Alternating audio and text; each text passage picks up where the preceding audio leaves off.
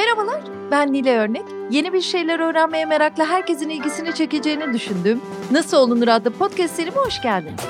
Bu seride mikrofonu mesleklerini ustalıkla icra ettiğini düşündüğüm insanlara yöneltip onlara aynı soruyu soruyorum. Nasıl olunur?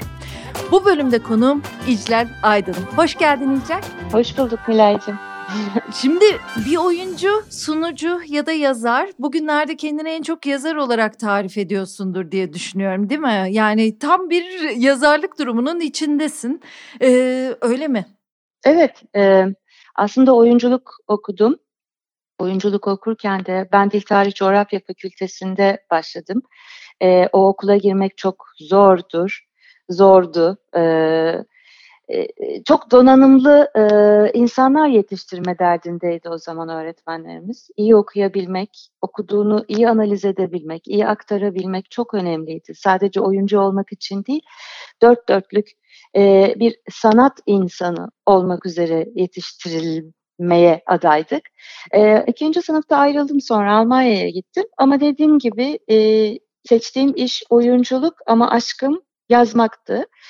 E, sunuculuk vesaire onlar m, yaptığım işin e, yan dalları. E, bir meslek olarak baştan sona e, hak ettim mi? Hayır değil. Bir dönem evet sunuculuk yaptım. Bir dönem evet gazetede yazı yazdım. Söyleşiler yaptım.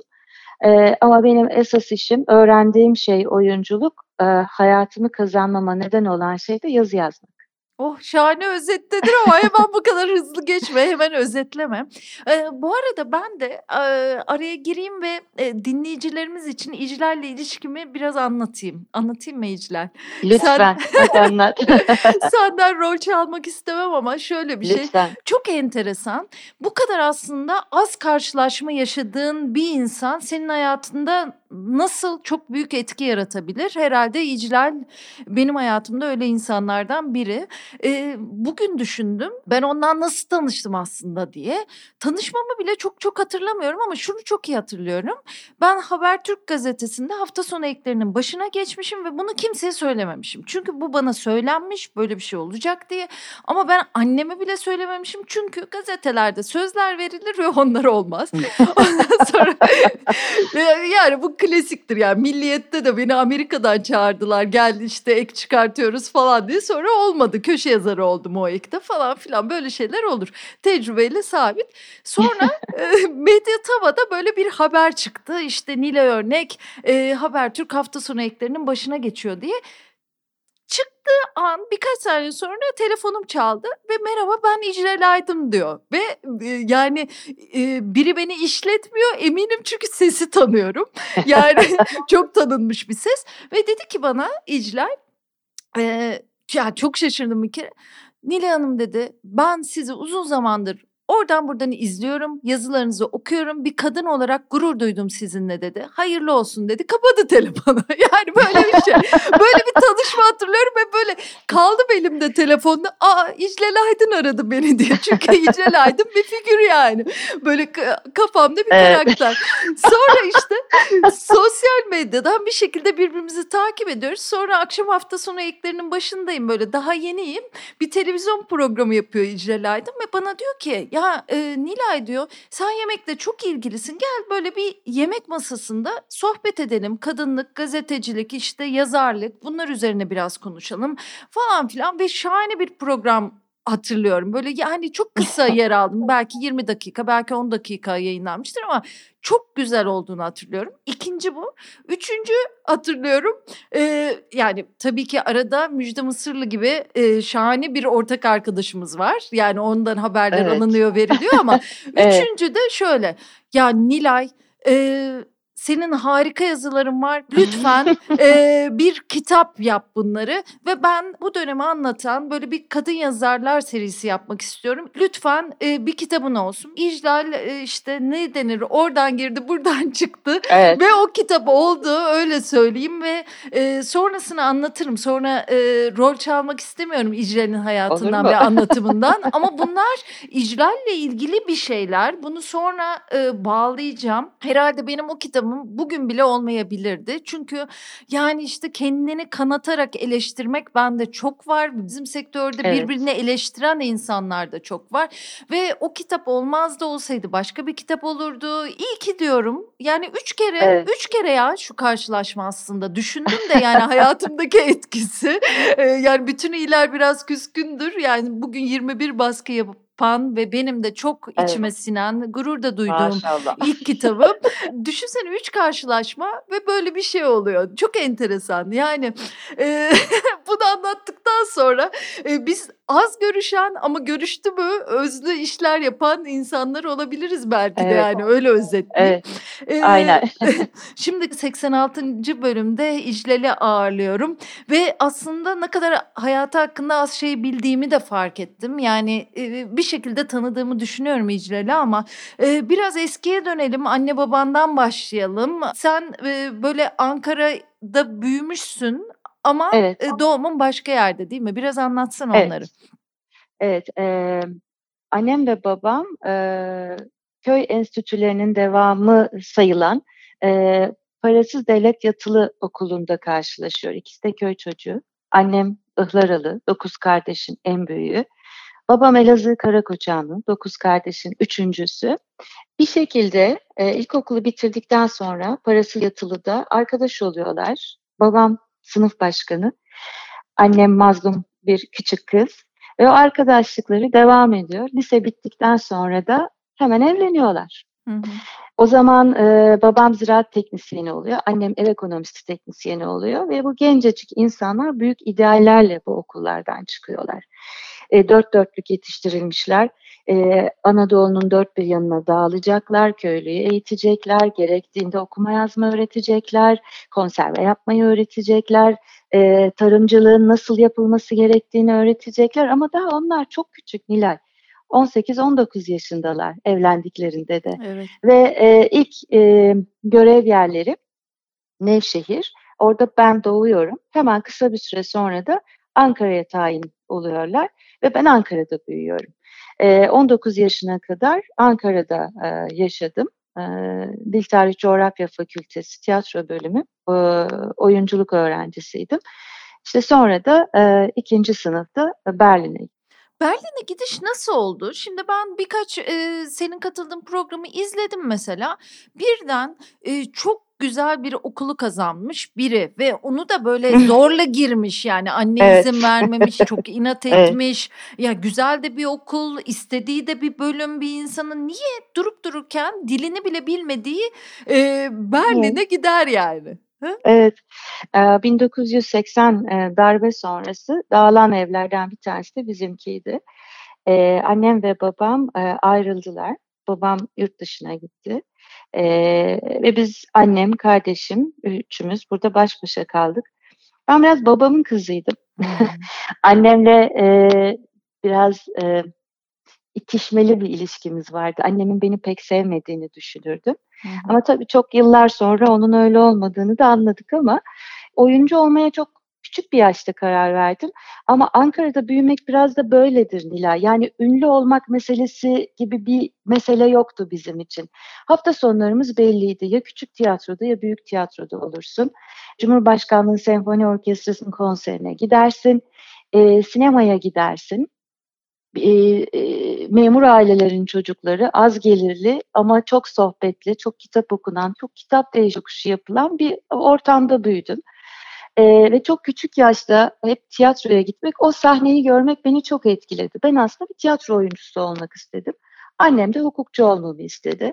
E, o dar gelirle e, daha garantili diye düşünüyordu herhalde. Hı hı. Annemden saklı e, ve ben e, hemen bir e, şey açayım, bir parantez açayım anneme destek olabilmek için e, ortaokuldan itibaren çalışmaya başladım. Hem yaz tatillerinde e, hem de bulduğum her boş vakitte bir takım işler yapıp harçlığımı çıkarıyordum. Liseyi e, tamamen çalışarak bitirdim. E, ne yapıyordun mesela? e, ortaokuldayken kitap pazarladım. E, öğretmenlerimin çocuklarına baktım. E, evlerini temizlemelerine yardımcı oldum.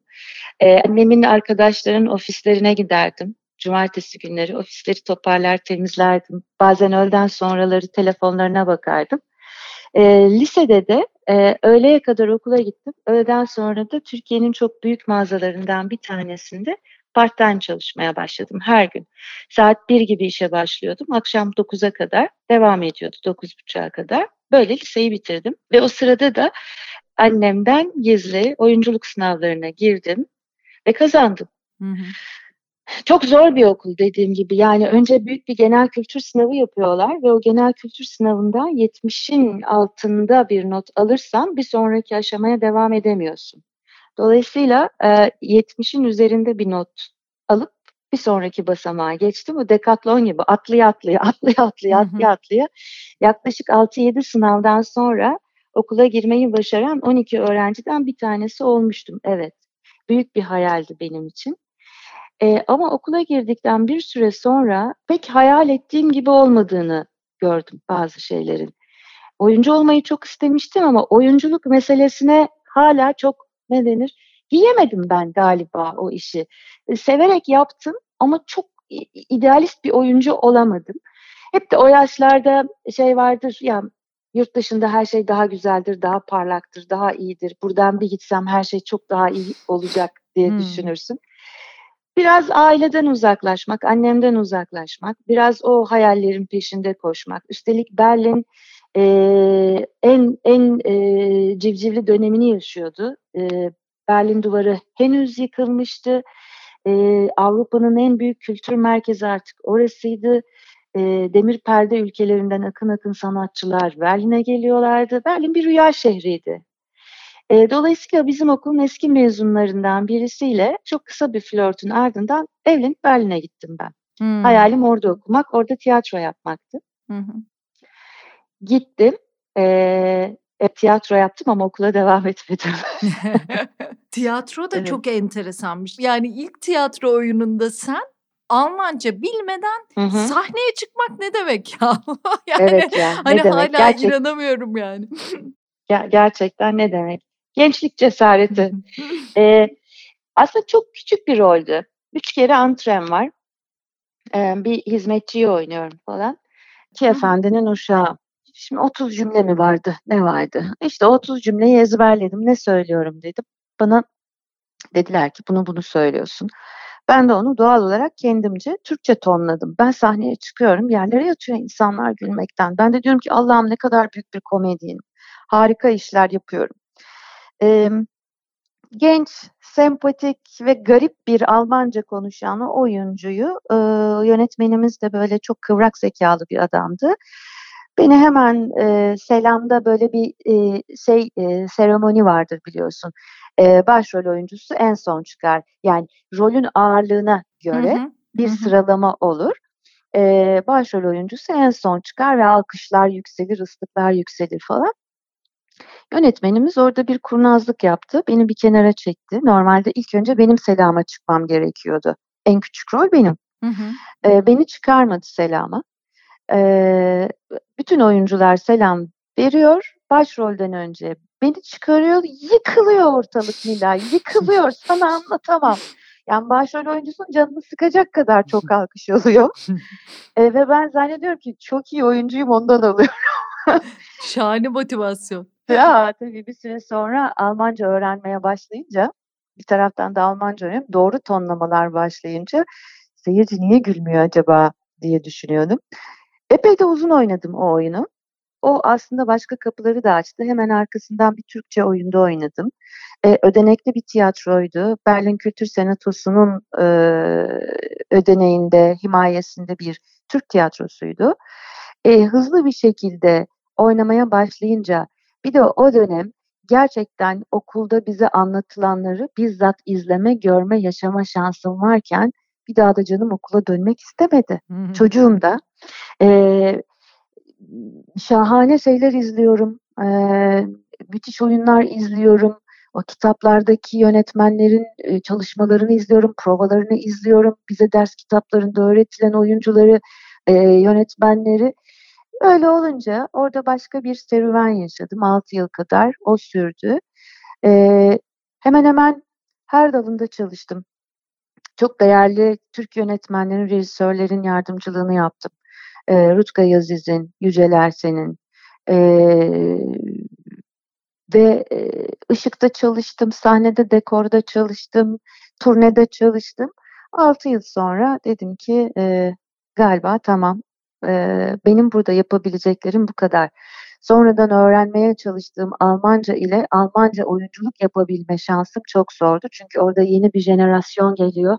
Onların zaten ana dili Almanca, Türkçe değil. Hı hı. Ee, orada yapabilmemin zor olduğunu düşündüm ve Türkiye'yi çok özlemeye başlamıştım. Hmm. O yüzden ilk fırsatta döndüm. İstanbul'a mı döndün? Evet, İstanbul'a döndüm. O dönem e, Yavuz Turkul Eşkıya için seçmeler yapıyordu. Seçmeleri çağırdığı adaylardan biri bendim. Eşkıya için görüşmeye geldiğimde e, Yavuz Özkan'la ve Osman Sınav'la tanıştım. Her ikisi de yeni projelere başlıyorlardı. Her ikisi de beni e, audition'a çağırdılar. Sonra e, ne e, Yavuz Turgul'la ne Yavuz Özkan'la çalıştım. Sinema filmleri olmadı ama Osman Sınav'la Sıcak Saatler isimli bir dizide çalışmaya başladım ve aynı sırada da e, bir televizyonda e, bir program sunmaya başladım. Hı hı. O da şöyle e, ne kadar büyük bir cesaret, gençliğin olağanüstü bir e, gücü var, inanç, umut. Her gün kalkardım Nilay, her gün arkadaşlarımın koltuklarında yatıyorum falan. Bir evim yok, hiçbir şeyim yok. Sadece inancım var. Bir yerden başlasam devamının geleceğini biliyorum. Her gün kalkıyorum sanki o gün bir görüşmem varmış gibi. Saçlarımı yapıyorum, kılığım, kıyafet. iki tane elbisem var zaten ama Hı-hı. tertemiz. Gayet hazır bekliyorum. Bir, beni bir görüşmeye çağıracaklar ve ben mutlaka e, bir şekilde başlayacağım. E, ve bir arkadaşım bir akşam bana dedi ki İclal e, bir kanalda sunucu ayrılmış, transfer olmuş başka bir yere. Sen sunar mısın dedi. Hiçbir fikrim yoktu. TRT'de izlediğim programlar dışında. Kadın programı nedir? Hiçbir fikrim yoktu ama dedim ki tabii ki yaparım. Elbette. Hmm. Ee, Sonra aynı anda hem o programı sunmaya başladım hem Osman Sınav'ın Sıcak Saatler dizisinde rol aldım. Para kazandım. Ee, bir ev arkadaşımla beraber bir ev tuttuk. Yaptığım ilk şey kendime bir yatak ve bir kitaplık almak oldu. Şahane o e, HBB'deki öyle bir kanal vardı. evet İkiden ya. dörde değil mi o bahsettiğim evet canım. program. Çok genç yaşında aslında Berlin'e gidiyorsun. E, nereden arkadaşların var İstanbul'da? E, okul arkadaşlarım ve çocukluk arkadaşlarım. Çocukluk arkadaşım Gülay Eray. Hı hı. Birlikte büyüdük. O İstanbul'da artık e, tanınmaya başlamış bir şarkıcıydı. O dönem hatırlarsın bir kaset furyası vardı tabii, 90'lar. Tabii, Türkçe tabii. şarkılar, Türkçe paplar, gece kulüpleri, barlar. İlk geldiğimde Gülay'ın evinde kaldım. Hatta bu HBB'deki programı da bana Gülay buldu diyebilirim. Gülay aracı oldu. Ben Beymen'de çalışıyorum. Gülay da Vakko'da çalışıyor. Ankara'da e, bu iki mağaza birbirine çok yakındır. Aynı cadde üzerindedir.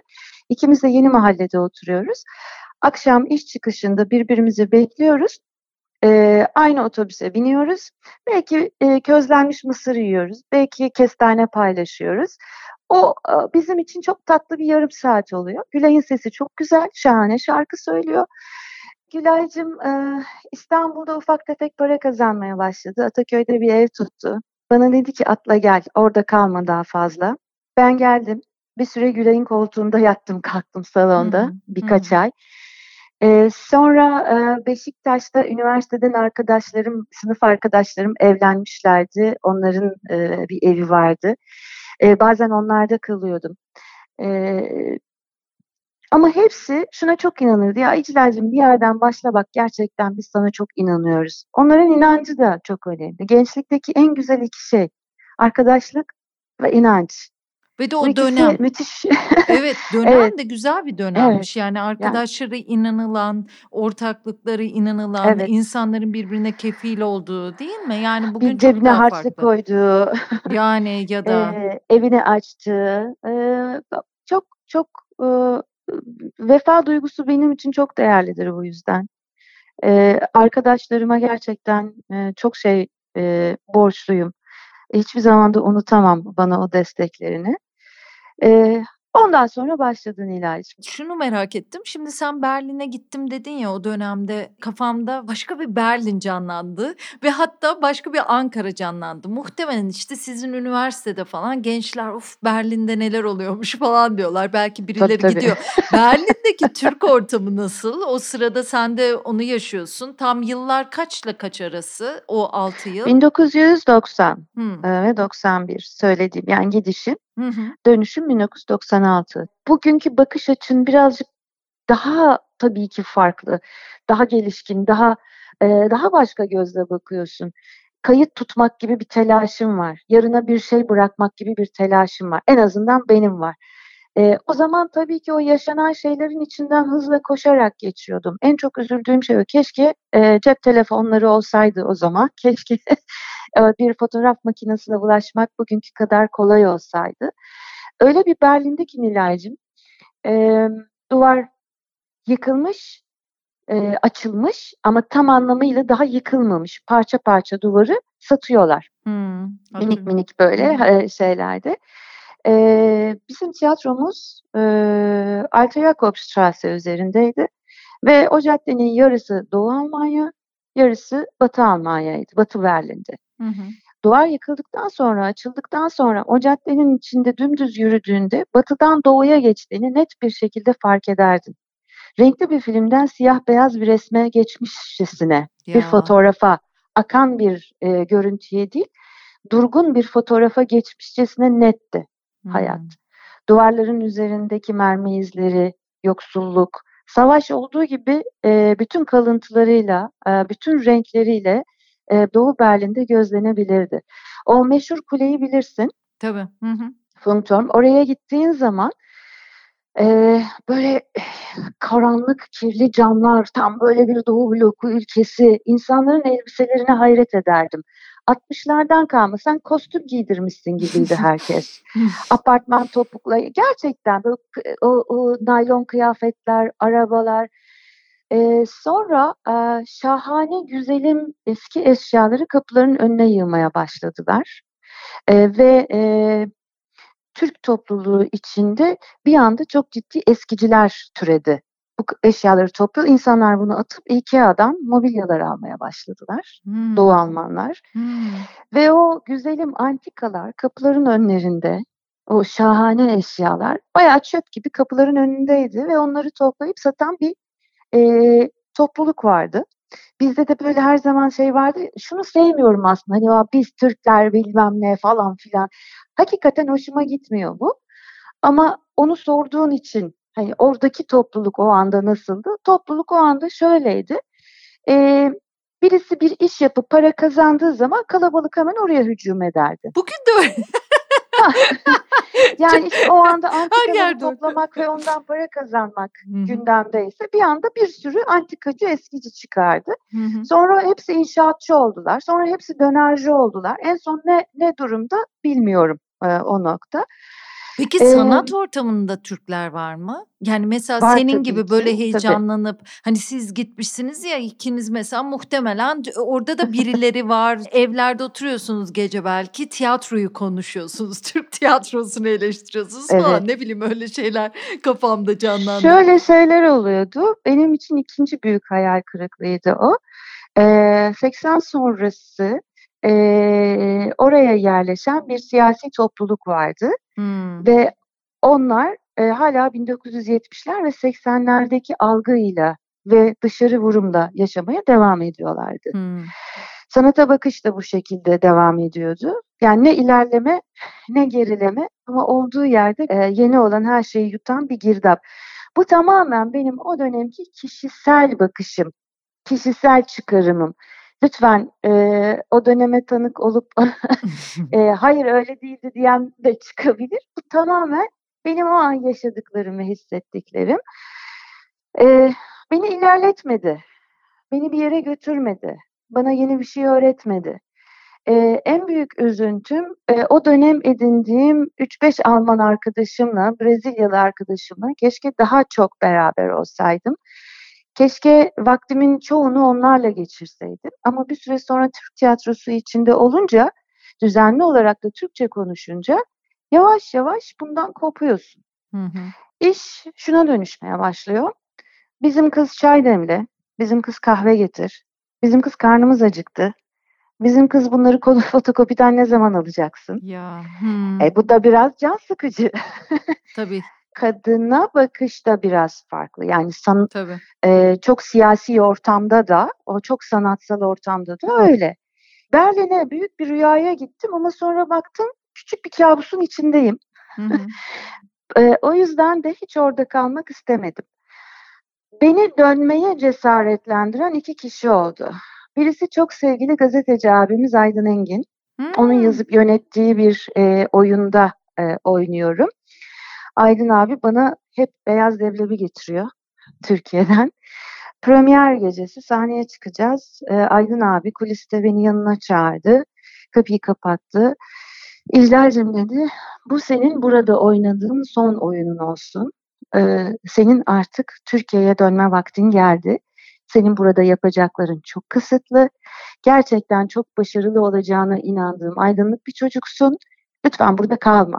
Hadi burada ya. kalırsan, evet burada kalırsan köreleceksin dedi Aydın abi. Durup dururken bir de gecesi. dertleşiyor musunuz da bunu söylüyor? E yok gözlemliyor. Oyunu yazan o, yöneten o. Yönetmenim. Yani e, bütün o süreci gözlemleyen, hepimizi tanıyan, çok sevdiğimiz bir abimiz. Hı hı. Yani sadece e, Aydın abi bizim için bir yazar, bir rejisör değil. O dönem Frankfurt'ta yaşıyordu. Onun da biliyorsun çok zorlu bir hayatı var. Evet. E, 80 sonrasında orada kalıyorlar eşiyle beraber. Bir konferans için Frankfurt'talar. Bir daha da gidemiyor, dönemiyorlar. Hı. Ve Aydın abi taksi şoförlüğü yapmaya başlıyor hayatını kazanabilmek için. En büyük şansım tabii ki şöyle söyleyeyim. Kendi küçük dünyam içinde hani küçük bir kabustaydım dedim ama çok değerli insanlarla çalıştım ve tanıştım. Bunların hepsi çok büyük tecrübelerdi ve Aydın abi gibi çok değerli isimlerin çok büyük desteklerini gördüm. Aydın abi beni böyle yüreklendirdi. Hadi kızım dedi. Eli kalem tutan bir kız, aklı çalışan bir kız.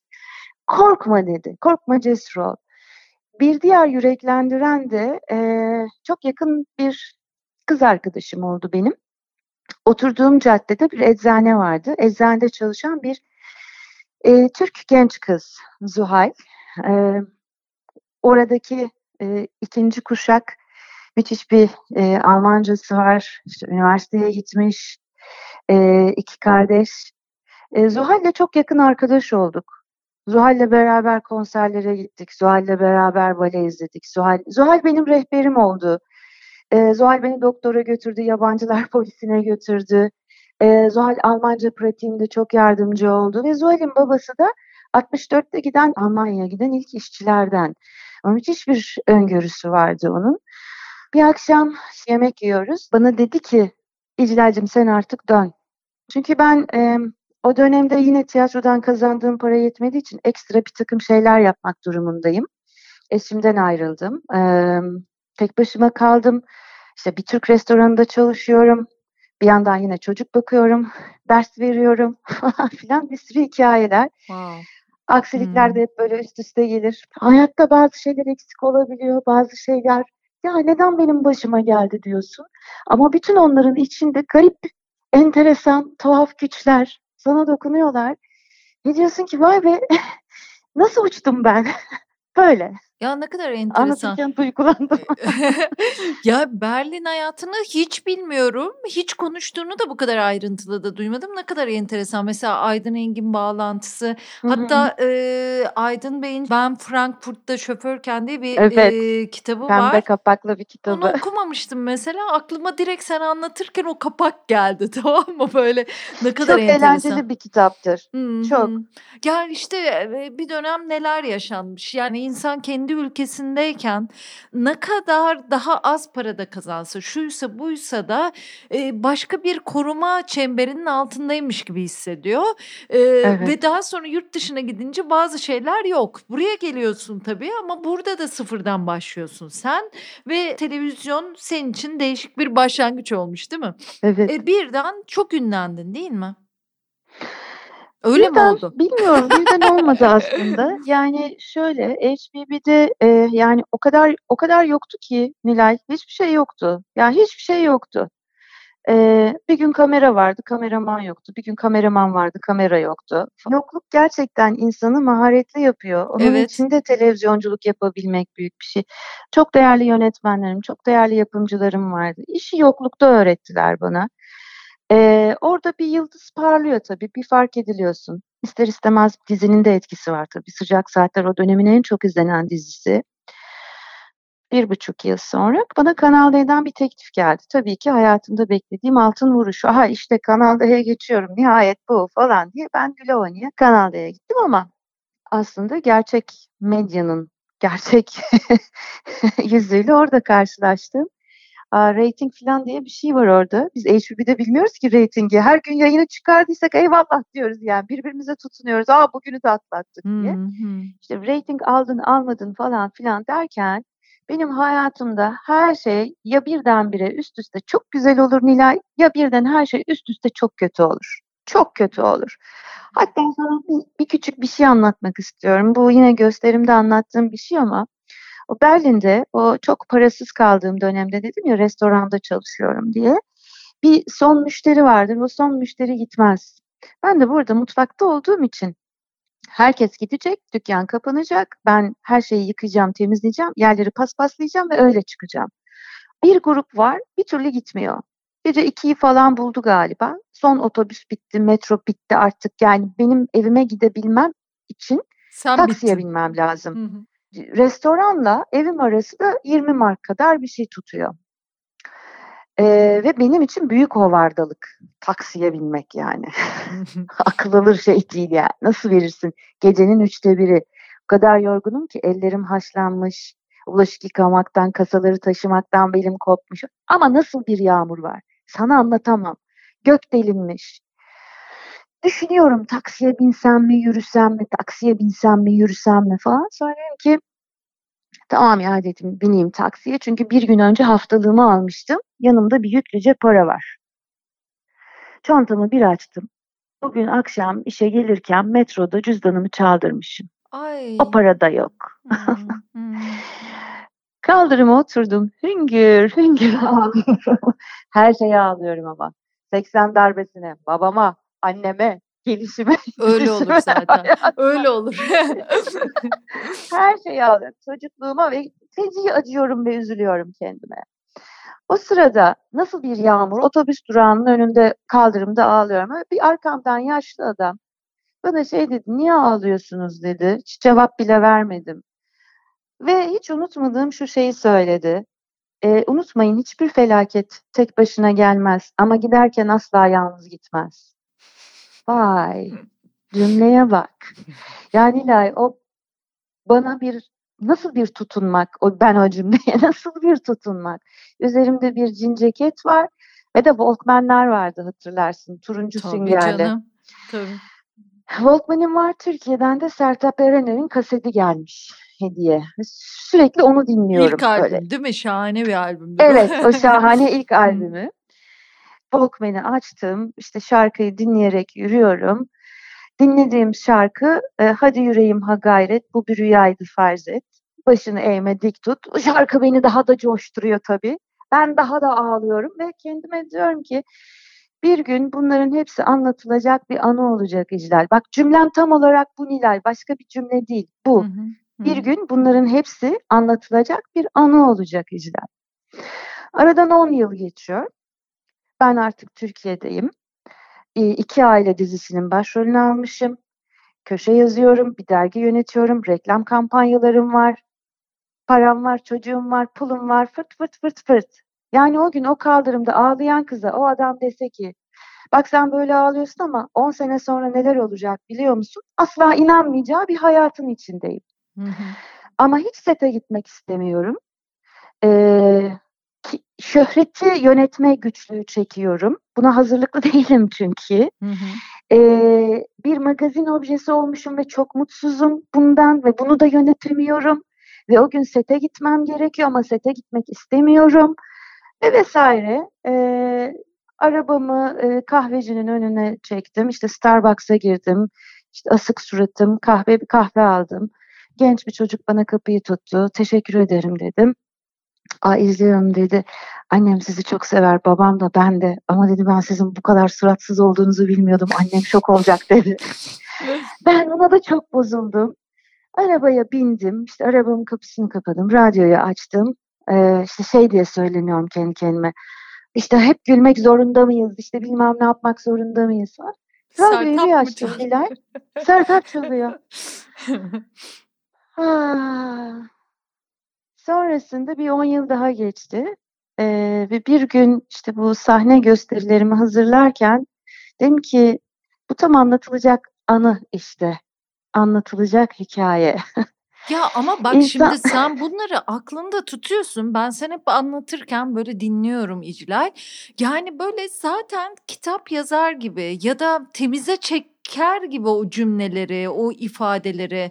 Yani öyle de yaşıyorsun değil mi? Biraz o çocukluktan falan var olabilir mi sende? Yani değil Mutlaka mi? Bazı var. insanlar öyle e, biraz daha ya dramatize eder, daha neşelendirir, daha güzel cümlelerle hatırlar. Ben bazen Hı. insanlarda öyle bir şey görürüm mesela. Ha, belki o anı e, öyle yaşanmamıştır ama onlar öyle yaşadıkları için yani bu yalan da değil, saçma da değil, daha romantik ya da daha bir şey bir şey oluyor. Şimdi senin yani orada ağlıyorsun kulağında yani şu anda film sahnesi Tabii gibi ki. anlattın ya. Yani şaire ben mesela senin bir röportajını okudum. Demin de e, söylediğin şey tam onun üstüne oturdu. Diyorsun ki işte vatanda 11 yıl çalışmışım. Bir anda tak diye bitti gitti. Ondan sonra anneme bir teşhis konmuş. Evet. Annem evden kendi kendine çıkmış, kaza geçirmiş. Evet. Onun evet. üstüne işte bir e, Menderes'in e, sevgilisini mi, eşini mi ne oynayacaksın? Evet. Üstüne rol evet. e, senden evet. gitmiş, her şey olmuş. Ya yani böyle hani iki gün içinde mi, birkaç saat içinde mi ne ha. oluyor mesela yani onlar? Ay süper bak müthiş bir şey. İşte bu bu versiyonun e, birincisini e, Kanal D'ye geçtiğim dönemde yaşadım. Kanal D'den kovuldum. E, diziden çıkarıldım. İnanılmaz hastalandım ama sağlık sigortam iptal edildiği için hastaneye yatamıyorum. Yani feci feci bir şey. İşte diyorum ya oldu mu hepsi üst üste gelir. BRT'de bir program yapmaya başladım. Yeni açılmış bir kanal. Ee, orada da her şey bir dönem çok iyi gitti ama sonra bir bütçe kısıtlamasına gittiler. Dolayısıyla iki saatlik program arasına bir takım vetereler koymamız gerekiyordu. Bantlar, klipler. Ama dışarı çıkabilecek bütçemiz yoktu. O yüzden arşiv görüntüleri üzerine bir şeyler yazmam gerekiyordu. Ben de kendime göre o genç kız ruhumla bir şeyler yazdım. Yazdığım o şeyler çok sevildi, çok beğenildi. Devam etsin dendi. Yalnız biz şöyle bir sabah programı yapıyorduk. Şimdikilere benzer değildi bizim yaptığımız programlar. Selimileri gelirdi. Duygu Asena gelirdi. Duman gelirdi. Hmm. Grup gün doğarken gelirdi. Ee, adam akıllı eli konu güzel sohbetler olurdu. Ee, ve onların arasında bu e, şeyler de ilgi çekerdi yazdıklarım. Bunu kitap yapalım dedi. Ömer Bey, Epsilon'un sahibi. Kariyerimin bir gün yazarak devam edeceğini bilsem asla ortaya çıkarmayacağım çocuk güncesi. Kendine yazılmış bir şey. Fakat işte diyorum ya cahil cesareti ve aynı zamanda her şeyin başlangıcı. Ee, ben onları verdim. Dedim ki ay satar mı acaba? Aman ne olacak 2000 tane her halükarda satarız dedi. Onlar aslında bana bir jest yaptılar belki. Ama sonra Nilay o kitap 84 bin sattı. Oo. İş bu noktaya gelince ben tabii ki bunu daha ciddiye almam gerektiğini fark ettim o süreçte. Hı hı. E, dergilere e, yazı, işte röportaj yazı yazarken Emre İskeçeli aradı beni. İcrim dedi biz sizi e, sabah gazetesine davet etmek istiyoruz. Ne yapacağım? Köşe yazacaksınız. Ben mi dedim. ne yazacağım?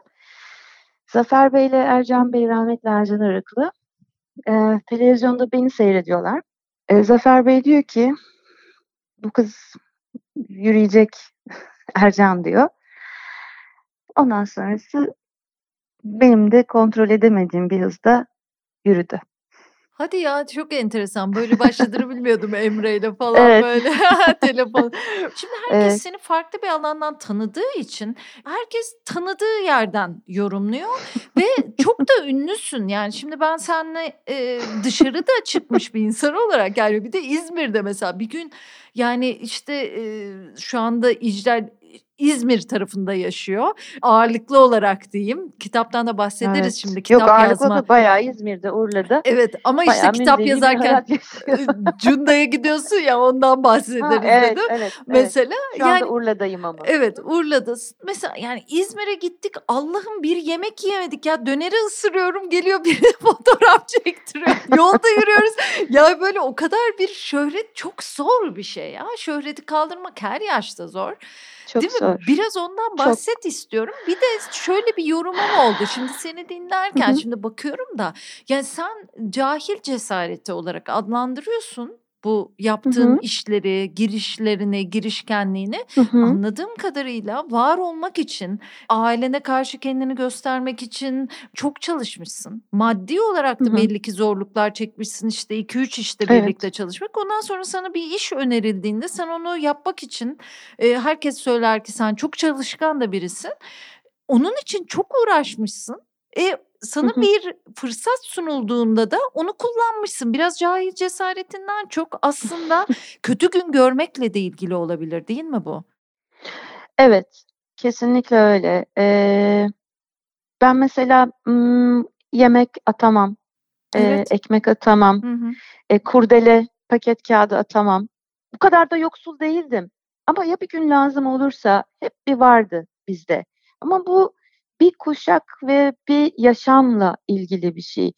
Ee, belki üç çift ayakkabımız olmadı ama e, her kış alınan bir botumuz oldu ya da iki kışta bir alınan bir botumuz oldu.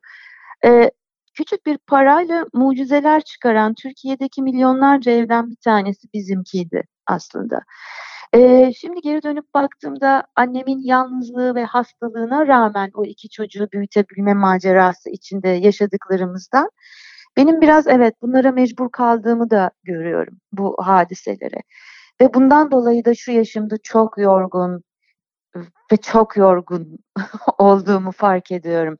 Çok içime kapanık yaşayan birisiyim Hı-hı. artık. Gerçekten garip bir yorgunluk içindeyim. Ee, ama demin çok hoş bir şey söyledin. Şuna dönmek istiyorum. Ee, hani nereden tutarsa oradan tanıyor insanlar diye. Ee, kitap emek isteyen bir şey. Dizilerimin televizyona yaptığım dizilerin içinden sadece o hayat benimi çok sevemedim. Ee, bana çok uygun değil. Zaten bunu da ifade ettiğim anda beni öldürdüler dizide.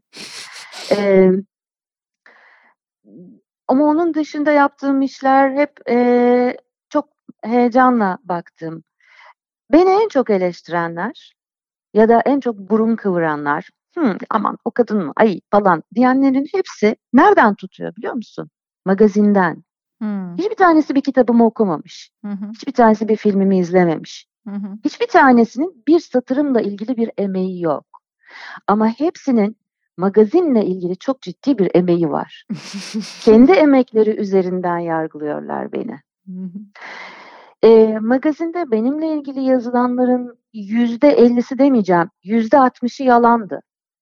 Benimle röportaja gelen insanlar mesela arkadaşlarım diye baktıklarım. Ya büyük bir sevgiyle mesela samimiyetle konuşuyorum, anlatıyorum. Ay canım cicim pıt pıt falan diye gidiyor. Ama içeriden olduğum için o kadar iyi biliyorum ki Nilay'cığım. Ee, yani yazı işlerine döndüğünde benden nasıl bahsedildiğini. O yüzden mesela artık röportaj vermek istemiyorum. Artık konuşmak istemiyorum. Artık anlatmak istemiyorum. Ee, Instagram'a bir şey paylaşmak, bir şey yazmak. Belki 2-3 yıldır hiç Twitter'da tweet atmadım, e, bir şey yazmadım. Gide gide e, kendi içimde bir çöle vardım diyeyim. Belki bu da geçicidir. Muhakkak geçicidir. Belki bu da bu yaşla beraber atlamam gereken bir dönemdi. Ama şu saat itibariyle e, kendimi anlatmaya gayret etmek. Yani bu seninle yaptığım sohbet kendini anlatma biçimim olarak onu ondan bahsetmiyorum. Anlıyorum. Çok Bu, iyi anlıyorum. Hani savunma gibi. Yıllar. Evet, evet evet. evet. Ama Hı. aslında ben ben bundan artık çok yoruldum ve bunu yapmaya da hiç niyetim yok. Nasıl düşünmek istiyorsanız oradan devam edebilirsiniz. Kesinlikle. Öyle mi okay, diyorsun? Dedim. Me, evet artık musun? böyle diyor. Artık ya çünkü o çok yorucu bir şey. Yani çünkü bir şeye çok emek harcıyorsun. Şimdi benim de e, seninle ilgili çok fikrim yoktu. Yani fikri olmamak Hı-hı. nötr derecesinde. Hani hakikaten bir yerlerden tanıyorum ama böyle derin düşünmemişim Hı-hı. seninle ilgili.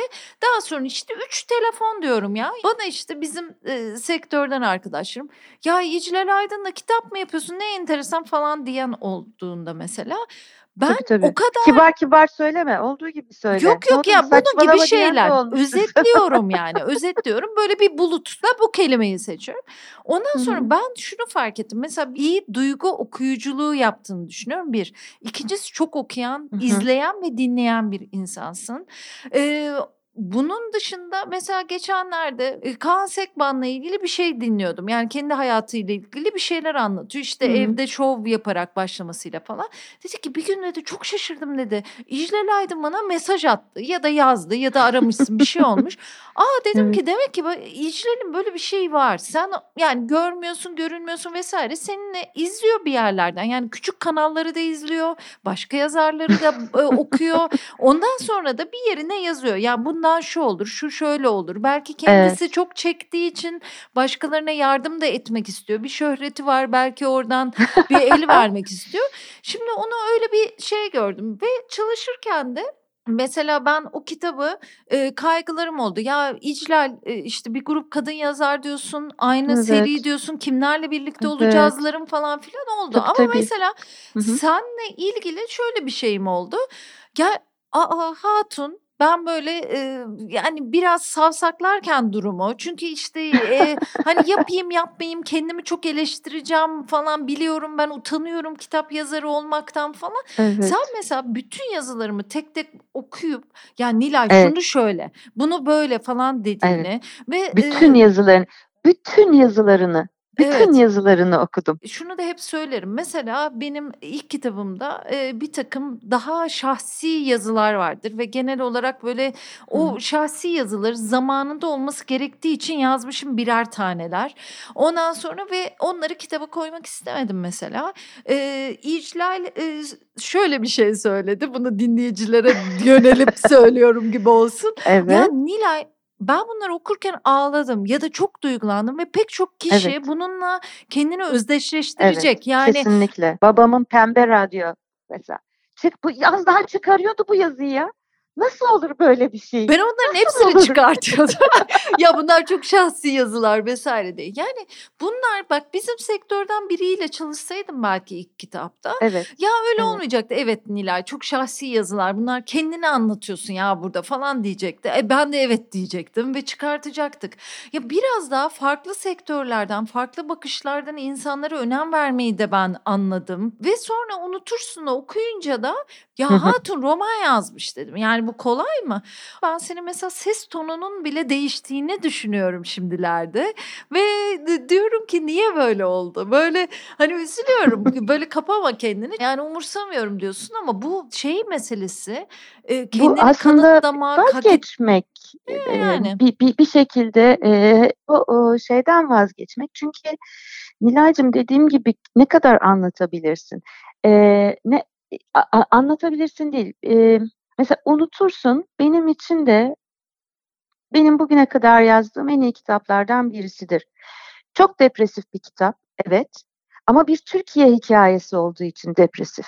Yani Türkiye'nin iyi bir günü olmamış ki baktığın Depresif zaman. mi diyorsun mesela? Ki. Ben öyle demezdim evet, mesela, kitaba. E, ay ya gerçekten. Hani ben böyle e, şeye bakıyorum da artılara eksilere her kitaptan sonra e, kendimi duygu olarak uzaklaştırıp okur bunda ne gördü, ne ne yorum yaptılar, üç kız kardeşi neden sevdiler, onu Tursun'a neden mesafeli durdular. Ve birden şunu aslında çok net fark ettim. Ee, onu Tursun'u gerçek anlamda okuyacak olan okur, ben yaşadığım sürece bana o romantik kimliğin şansını vermeyecek ya da vermeyebilir. Bunun için haklı gerekçeleri de var bu insanların. Çünkü e, dediğim gibi oyunculuk ve oyunculuğun uzantısı olan basın, magazin vesaire filan gibi şeyler söz konusu olduğunda İnsanlar o gördükleriyle bir algı oluşturuyorlar ve doğal olarak da hmm, yani ne yazmış olabilir ki diye düşünüyordur. Oysa benim bir de şöyle bir dezavantajım vardı. E, basının içindeydim. Hem oyuncuydum hem de basın içinde bir iş yapıyordum ve de ses getiren bir takım şeyler oluyordu bunlar. Ama televizyondan tanındığım için, ama dilimi sevdikleri için, ama şansım yaver gittiği için onu bilmiyorum. Dolayısıyla magazin basını bir oyuncuya gösterdiği hırsın ötesinde bir öfkeyle davrandı bana. Bir sürü isim sayabilirim ki sana. Benim ağzımdan hiç çıkmamış cümleleri ben söylemişçesine manşet attılar. Ve ben senelerce ben böyle bir şey söylemedim diye paralandım. Bir yerden sonra da bıktım artık. Yani dedim ki bir yerden sonra okey tamam ben artık bunu söylemekten vazgeçtim. Geriye de sadece şu kaldı. Ee, evet dediğin gibi şöhreti taşımak çok zor, bunun uzantısını taşımak çok zor, bunun içinde çok savruluyorsun. Ama en sevdiğim şey kitap okumak, izlemek, hikaye dinlemek ve yazmak. Ne kadar mutlu, ne mutlu bana. Bundan para kazanabiliyorum ve televizyona hayır diyebilecek noktada para kazanabiliyorum. Çok şükür. Çok şükür inşallah devamı gelir. İnşallah böyle gider. Ee, ya en azından hani daldan dala atlıyorum ama şunu da söylemeden geçemeyeceğim. Üç kız kardeşin dizi olma meselesi çok uzun zamandır konuşuluyor biliyorsun. Evet evet. Hiçbir şey yapmadıysam bile şunu yaptığım için içim rahat. Ve televizyonculara toplantıya otururken demiştim ki ben bu dizi çünkü üç kız kardeş yeni bir hikaye değil. Çehov yazmış zaten üç kız kardeş. Öyle değil mi? Yani üç farklı kardeşin hikayesi. Hani sadece oradaki tek farklı olan şey benim dilim, sunuş bitimim ve koruduğum değerler vesaire falan filan. Dolayısıyla bu diziye döndüğü vakit bu iş herhangi bir kadının tokatlanması, e, silah çekilmesi, vahşet, tecavüz vesaire istemiyorum dedim. Yani sonuçta bu dili de naif biliyorsun onun. Öyle hep neşeli günler yani. Hani müjdesi olan, kuruna bir iyilik hali veren. Bu yüzden de çok sattı. Yani e, 300 bin az bir rakam değil Nilay. Dolayısıyla e, amacına ulaşmış bir iş. Ve okurun beni bir hikayeci olarak kabul etmesine neden olduğu için üç kız kardeşe minnettarım. Unutursunun hmm. satışlarını da arttırdığı için. Onu da 80 bine 90 bine çektiği için. Çok çok mutluyum. Ee, ama bana televizyonda öyle bir senaryo getirdiler ki Nilay. Daha birinci sahnede benim o güzelim karakterlerimden bir tanesi 3-4 bölüm hiç konuşmaması gereken sessizliğin içinde bence pürüzsüz bir gizem saklı olan karakterime tecavüz ediliyor. Hmm. O güzelim Cumhuriyet öğretmeni alkolik olmuş. O tatlı kız kardeşler aynı oğlana aşıklar birbirlerinin gözünü oyuyorlar. Yani ve o tatlı hala hırsız olmuş falan. Yani ne ararsam var. Ya sonunda dedim ki ben buradan en fazla kaç para kazanacağım? Şu kadar. Bana net bir şey söyleyin. Hani her yere satıldı, yurt dışına satıldı, öyle oldu, böyle oldu. Ben ne kazanacağım? Maksimum. Bu kadar. Tamam. Ben o kadar paraya hayır diyorum. Bunu da ilk defa sana anlatıyorum. Sonrasında da e, hep aynı şeyler yaşanmaya başladı. E, umarım kabul edebileceğimiz noktada güzel hikayeler gelir. Olursa olur, olmazsa olmaz. Ama bana işte e, televizyona hayır dedirten de Üç Kız Kardeşin, Unutursun'un, Bir Can Kafes'in ve Kalbimin Can Mayası'nın kazandığı başarı oldu. O yüzden e, içime dönmek, daha çok kitap okumak, daha çok yazı yazmaktan dolayı mutluyum. Ama çok Ama zor kusursuz bir yalnızlığım var. Ya. ya şimdi biraz ondan da bahsedelim. Şimdi e, senin kitap yazma sürecinden çok erken kalkıyorsun bir. Hı hı. E, saat 6'da kalkıyorsun işte evet. 6.45 gibi bir e, yazı masasına oturuyorsun. Uzun süreler işte bu birkaç ayda olabilir daha fazla da olabilir. Evet. Bir yazı ve kopma sürecin var. Bunu bir evet. kenara koyalım ama öncesi de var. Mesela senin kitapların bir şekilde birbiriyle bağlantılı. Ben mesela hı hı. Google'da da şöyle kitaplarınla ilgili ne aranmış diye de baktım. Hani insanlarla ilgili de bakarım bazen. Hı hı. Ne soruluyor Google'a diye. Kitaplarınla ilgili en çok şu soruluyor. Hangisinden başlanmalı? Birbirine bağlılar mı? Ya değil mi? O bir e, aslında evet. bağımsız da okunabilen ama evet. aslında birbirine bağlı bir seri kitap e, evet. durumu Hı-hı. da var. E, b- bütün bunları planlamak, altı kitabı kurgulamak nedir? E, bir de işte e, sen karakterlerine böyle bir çalma müzik listeleri yapıyorsun. Başka evet. şehirlere gidiyorsun. Ya evet. enteresan bir sürecin var yani. İşte kendi kendimle oyun oynuyorum. Kendime bir dünya yaratıyorum ve aslında büyük bir şans. Lale 17, 18 oldu. Ee, üniversiteye başladı. Hı hı. Ee, ve dediğim gibi bun, bu, bunlar aslında çok uzun, çok kalabalık, çok yorucu, çok yorulmu, yorulduğum bir hayatın e, sonunda kendime alabildiğim mücevher zamanlar Nilay. Mücevher nedir? E, şunu yaptım. Bir dünyanın görmek istediğim yerlerine gittim. Ya yani paramı nerede harcadım? Orada harcadım. Almak istediğim sanat parçalarına param yetiyorsa tablodur, heykeldir. Onları aldım. Şimdi de kendime zaman alıyorum. Yazarken gidiyorum, kapanıyorum, dinliyorum, bir başıma kalıyorum. Bu beni çok besliyor. Dışarının, çünkü hep sana şunu söylüyordum hatırlarsan. Nilay dedim, bizim çevremizde bir entelektüel uğultu olur. Hı hı, hı. O uğultu bizim düşünmemize engel olur. Tabii, bizim tabii. üretmemize engel olur. O uğultudan uzaklaşabilmek lazım. Bundan uzaklaşabilmek bile büyük bir lüks aslında bugün. Kendime o lüksü hediye ettim diyeyim yazarken. İşte mekanla uzaklaşabiliyorsan ne mutlu evet. sana. Ben yoksa nereye gidersem gideyim ya bunu oradan mı eleştirirler, şunu şuradan mı çekerler hmm. diye düşünebiliyorum. Zor Onun bir şey. sonu yani. yok. Yazarın kırılgan bir ruhu var. Hani sen şimdi bana dedin ya sohbet ederken İclal'cim olay belki öyle değildir ama sen öyle yaşamışsındır. Hı hı. Yani Sazan'a bakarız mesela deniz kenarında. Ben ondan ertesi gün şairane bir yazı çıkarırım. Arkadaşım der ki ulan sazana baktık sazan balığı işte ben onu gördüm sen nasıl bunu gördün? Ama aynı şey sende de var. Senin mesela o hırsız yazın bence yine muazzam bakış açılarından bir tanesidir. Bu bakış açısı olan insan şiirselleştiren, resimleştirebilen, mizah yapabilen bu insanların kalbi midye kabuğu gibidir. Çabuk çatlar, çabuk kırılır. Onlar bir şey üretirken onun önüne geçecek birisi lazım. Evet. Yani e, dil bilgisini korumanın ötesinde ona siper olacak birisi lazım.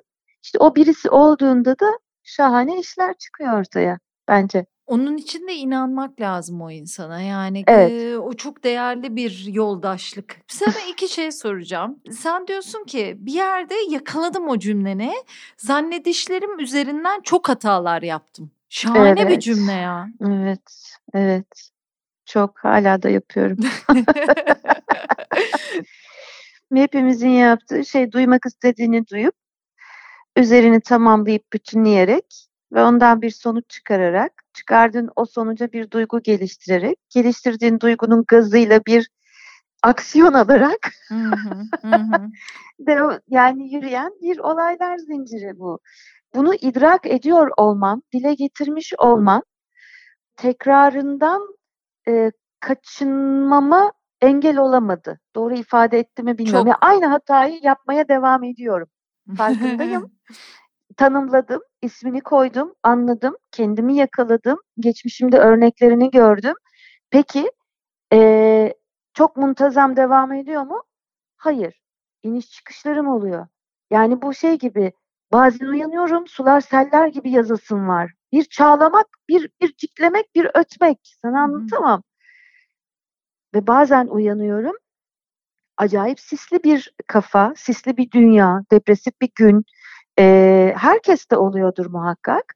Duygularımızın iniş çıkışı var. Ben Dolunay'dan çok etkilenirim mesela. E, dünyadaki bu işte depremdir, harekettir, şudur budur çok etkiler. Karşımdaki insanların kötü enerjisi beni çok etkiler. Ee, hani böyle şeylerde E, bütün bun, bunların içinde böyle bir düşüncelerimle, fikrimle, mantığımla hareket edebilme disiplinini oluşturamadım. Ama sonrasında bu konuda kendime kızmayı bıraktım. Çünkü benim de duygusal yanım fikri tarafımdan yüksek. Böyle yani. Bu yaşımdan sonra bunu ne kadar indirebilirim aşağıya? Elimden geleni yapıyorum. Elimden geleni yapıyorum. İnşallah daha az hata yapıyorumdur. Tabii şöyle bir kaçınış da var. Daha az hata yapmak için daha az ilişkiye girmek mesela. daha az daha az insanla görüşmek. Çevreyi daha da küçültmek, daha da daraltmak.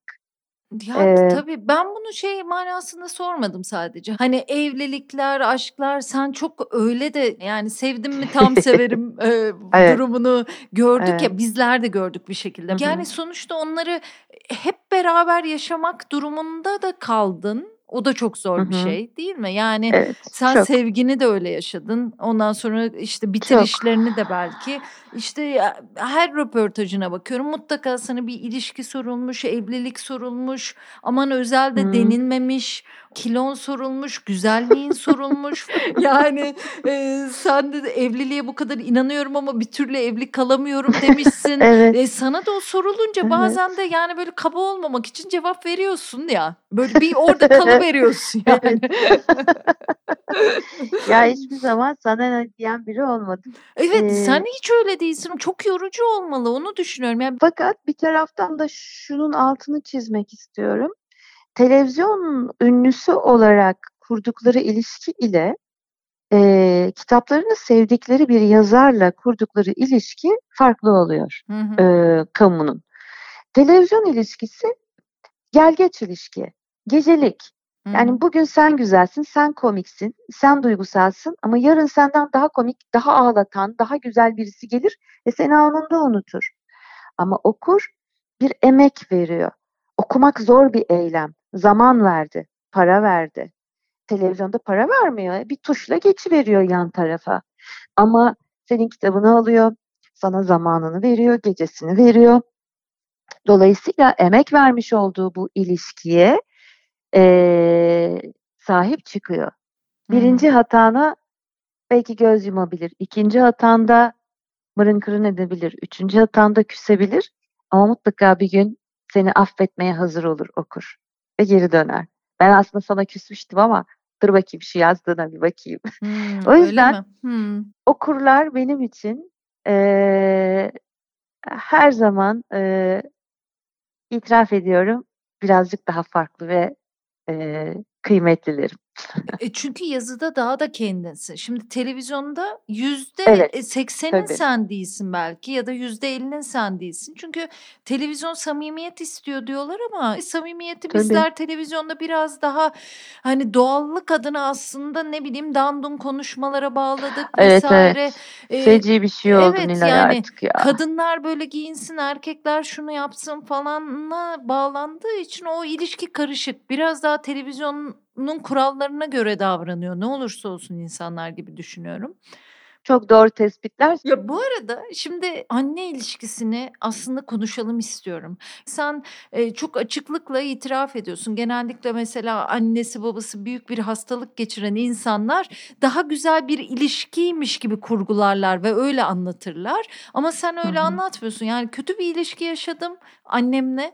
Hani Hı hı ne hiç iyi olamadık. Ben hep kendime onu ispatlamaya çalıştım. Annem de bana sert davrandı ve daha sonra Evet. öğreniyorsun ki annen çok uzun zamandır aslında hastaymış ve ağır belirtiler göstermediği için anlamamışsınız, değil mi? Evet. Evet, evet. Aynen öyle Nilay'cığım. Şu anda da yaşadığım durum şöyle, eee, annemin hastalığı sohbetimizdeki beni, sesimi, dilimi, duruşumu, son 6 yılımı çok etkiledi. Hı hı. Eee, çünkü ölümler yaşanır. Sen babanı kaybettin, eee, ve artık dönmeyecek. Onu, ııı, bir yere bıraktın ve nerede olduğunu biliyorsun. Yani acı ya da tatlı hatıralar ama, hani, bir bir bir geçmiş oldu bu. hı. Hı hı. Şu anda, emm, birisi var. Benim annem. Ama bedenen benim anneme benzemiyor. ve yaşamıyor aslında. Yani nefes alıyor e, ama e, beni tanımıyor, kendisini bilmiyor, dünya ile herhangi bir iletişimi yok. E, yani üzerini kapatıp unutamadığın ama senin olmayan sana emanet edilmiş nefes alan bir canla yaşıyorsun. Ve bu sana her gün hayatı, başarıyı, kadın olmayı, dişiliği, insanlığı, anneliği, çocukluğu, evlatlığı, vatandaşlığı, siyaseti her şeyi sorgulatıyor. Her gün. Teselli cümlelerimiz var. İşte diyoruz ki bu bir sınav. Yani başka çünkü çıkar yol bulamıyoruz. Diyoruz ki bunu da atlatacağız. Yani Hı-hı. bu da böyle falan. Şimdi bu da böyle bir sınav. O teselli cümlelerim içinde benim. Ee, en azından şunu söylüyorum. Evet böyle ama gene de geçmişte onunla yaşadığım o korkunç günlerden daha iyi. Çünkü beni gördüğü zaman canım diyor. Hmm. Birkaç kelime söylüyor. Ee, ben olduğumu biliyor mu? Bilmiyorum. Yani çünkü hiç isim yok, hiçbir şey yok. Ama beni gördüğünde canım diyor. Ee, o canım uğruna e, bütün bir e, ömrü siliyorsun. Çok karışık bir şey, çok acayip bir şey. Hı hı. Ee, şimdi ben anne oldum. Ee, kızıma anlatacağım o kadar çok şey var ki çünkü annem gibi bir anne olmak istemedim. Ve dedim ki böyle bir anne olacağım, böyle bir anne olacağım. İşte ona böyle arkadaş olacağım. Kızıma anlatmak istediğim, paylaşmak istediğim şeyler var. Ama beni hiç dinlemiyor Nilay. Ve ben çok üzülüyorum. Ve çok üzülüyorum. Ve bir gün Gündüz Vassaf'ı dinliyorum. E, seninle sohbetini. Annesiyle ilişkisini anlatırken İzmir'den Urla'ya araba kullanıyordu. Hmm. Nina çok gülerek anlatıyor ama işte annesi nasıl e, dinlemediğini. Evet hatta küçümsedim e, falan dedi. hor gördü. Yani ilahi bana nasıl iyi geldi biliyor musun? Hmm. Nasıl iyi geldi o sohbet, nasıl iyi geldi. Bizi şu ana kadar dinleyen varsa eğer, Nilay Örnek'le Gündüz Vassaf'ın sohbetini mutlaka dinlemelerini öneriyorum. İçime sular serpildi. Lal beni şimdi hiç dinlemesin. Nasılsa bir gün lazım olanları ben ona kaydettim koydum kenara. O da onları kendi kalbine kaydetmiştir mutlaka bir gün ihtiyaç duyduğunda onu oradan çıkarıp alacaktır eminim. Ya çok güzel. Yani e, anne baba ile ilişkiyi çözmek, tanımlamak, onu tarif etmek ve daha sonra da içtenlikle bunu ifade etmek ne kadar rahatlatıcı bir şey değil mi? Yani tabii yapabiliyorsan. Evet. Yani Gündüz evet. Bey'i dinlerken e, onun nasıl diyeyim oradaki çıplaklığına hayran oldum ben. Yani Ben hepimiz de, bunu ben de. yapamayız yani. Sende de bunu görüyorum ama yani e, onu fark etmen şahane bir şey olmuş. Bir özgürleştirici e, yan getirmiştir Hah, diye düşünüyorum sana da. hah, ah, en güzel, en güzel kelime bu. Hiç uzun lafa gerek yok. Çok özgürleştirici. Bir de tabii şöyle bir boşa da çıkıyorsun. Şimdi e, annemin hastalığını ben 40 yaşında öğrendim. Hı. Bundan 9-10 sene önce. Doktor bana dedi ki sizin anneniz 13 yaşına kadar büyümüş bir kız çocuğu ama o kadar güçlü bir sol beyni var ki süper idare etmiş. Ama çocuk yanılmaz. Siz 14 yaşına geldiğinizde ondan bir yaş büyüksünüz ve duruma el koyma ihtiyacı hissetmişsiniz. Hmm. Kardeşinizin annesi olmuşsunuz. Evin patronu olmuşsunuz. E çünkü annem güzel de bir maaş alıyor aslında. Fakat Nilay gidiyor mesela o maaşla muhteşem bir çift yeşil yılan derisi ayakkabı alıp eve geliyor. Hmm. Ve ben orta üçüncü sınıfta dehşete düşüyorum. Olacak iş değil. Diyorum ki anne kirayı ödeyeceğiz. Diyor ki aman öderiz filan. Ama bu arada bizim derslerimize karşı çok katı, bize çok katı falan filan. Yani ya da işte bir şey almaya çıkıyor yani herhangi bir şey. Diyelim yufka, diyelim domates. Bir geliyor eve yeni bir yatak odası takımı alıyor aklına hastalık gelmediği için diyorsun ki niye böyle dengesiz işte para hesabı bilmiyor, öfke kontrolü yok. Özellikle bana yok ve doktor bana diyor ki ben 40 yaşındayken yani şöyle düşünün e, siz ondan büyüksünüz dolayısıyla nasıl davranacağını e, çıkaramadığı için büyük ihtimalle size çok öfkeli davranmıştır. Büyük ihtimalle size şiddet göstermiştir ki bu fiziksel ve psikolojik şiddettir filan. Kadın bana bütün hayatımı anlatıyor. Ben iplik gibi ağlıyorum. Sonra e, hı hı. kedilerimi gözlerken şunu fark ettim. Kedilerim eve iki yaş civarında bir çocuk geldiği zaman çok korkuyorlar ve çok endişeleniyorlar ve çok kötü davranıyorlar o yaş grubuna. Sonra şunu gözlemledim. O kediler o küçük çocukların insan mı, kedi mi? Yani çünkü insan büyük bizim gibi. Evet. Ama kendilerinden biraz büyük ve ne olduğunu çıkaramadıkları bir şeyle karşı karşıyalar. Ve o çocuklar onları sevmek için ellerini her uzattığında benim kediler o elleri cırmıklıyor, ısırıyor, bağırıyor, kavga ediyor, kaçıyor. O kedilerde annemi gördüm. Hmm. Ben biraz büyümeye başladığımda beni tanımlayamadın. Yani doktorun o anlattığı şeyleri gördüm aslında. Ben, bana neden o kadar kötü davrandığını. Şimdi bütün bunu bunu görmek, bunun ortaya çıkması, bunu kendine açıklaman çok ferahlatıcı olsa da o yaşına kadar getirdiğin her şeyi de boşa çıkarıyor Nilay. Tabii. Yazdığın her şey, tabii, anlattığın, tabii. düşündüğün her şey bambaşka bir serüven başlıyor. İşte asıl zannediş o. O zaman ben bilsem ki benim annem hasta böyle yapıyor. Ama bende olağanüstü şöyle bir rahatlama oldu. Bende ve kardeşimde. Aa demek ki bizi seviyormuş. Sadece hastaymış. Hı hı. Daha şefkatli, daha farklı. Ve biz o şefkate geçtiğimiz günün ertesinde isimlerimizi unuttu. Yani biz onun durumunu net olarak öğrendik. Kendimize bir şey koyduk. Dedik ki bizi unuttu. Yani hani kötü, çok kötü, en kötü bizi unuttuğu gün dedik. Ertesi gün adımızı unuttu. Bu da böyle bir süreç. Allah elden ayaktan düşürmesin. Eskilerin güzel bir lafı var Nilay. Diyor ki, üç gün yatırsın, dördüncü gün koynuna alsın. Güzel dua. Hmm. Ya valla. Yani çok enteresan. Böyle böyle sessiz sessiz dinliyorum. Yani beni çok etkileyen bir şey. Ee, senin kitaplarında da izlerini görüyoruz zaten. Bu senin hayatınla ilgili bir program ve sana nasıl olunur diye soracağım.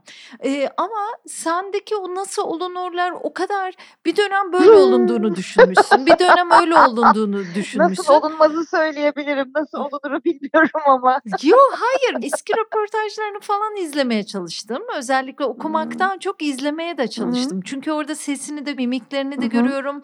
Mesela işte yeni bir kitabın çıkmışsa yeni bir eser varsa çok neşeli ve mutlu ve oh be durumunu görüyorum evet. mesela.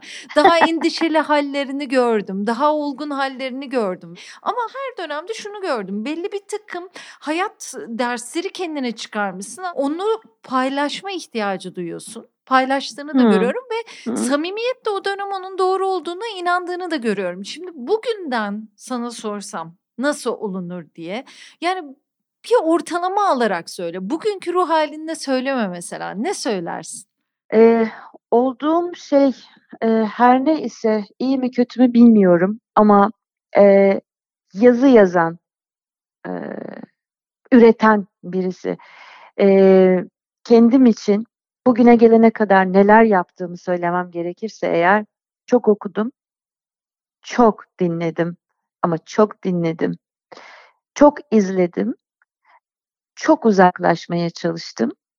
Bu birinci bölümdü. Hı hı. İkinci bölüm kendimi çok sorguladım. Kendi yaptıklarıma çok dönüp baktım. Sonra üçüncü bölüm geldi. Başkalarının hatalarında, yargılamaya kalkıştığım insanlarda kendimle yüzleştim. Sonra dördüncü bölüm geldi. Kusursuz yalnızlık bölümü. Şimdi yeniden doğmaya çalışıyorum. Kusursuz yalnızlık ne demek İclal? Evet, çok huzurluyum. Çünkü aşk yok.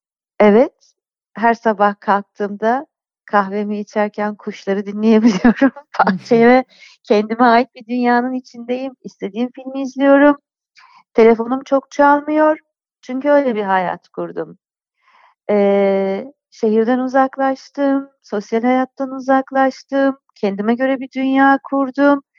arzu ettiğim, o hayalini kurduğum, ya okusam, dinlesem, yatsam, kalksam, bahçem, kuşum, kedim, köpeğim, bir ben olsam dediğim o kusursuz yalnızlık.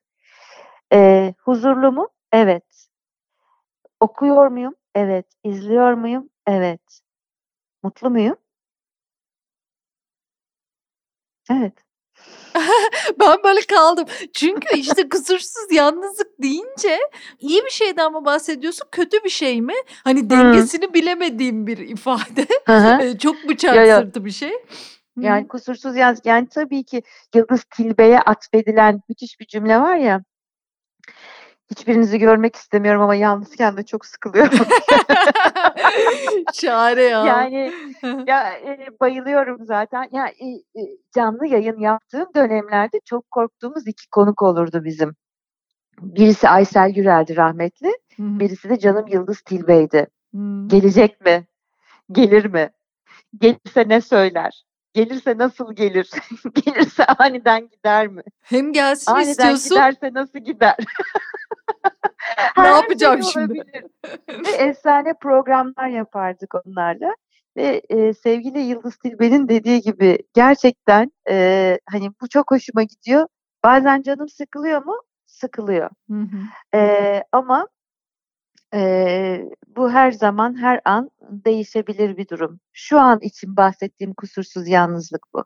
Hı hı. Hı hı. Ya, aşk da olsun beyciler mesela. Ben biraz sıkıldım o so sordular.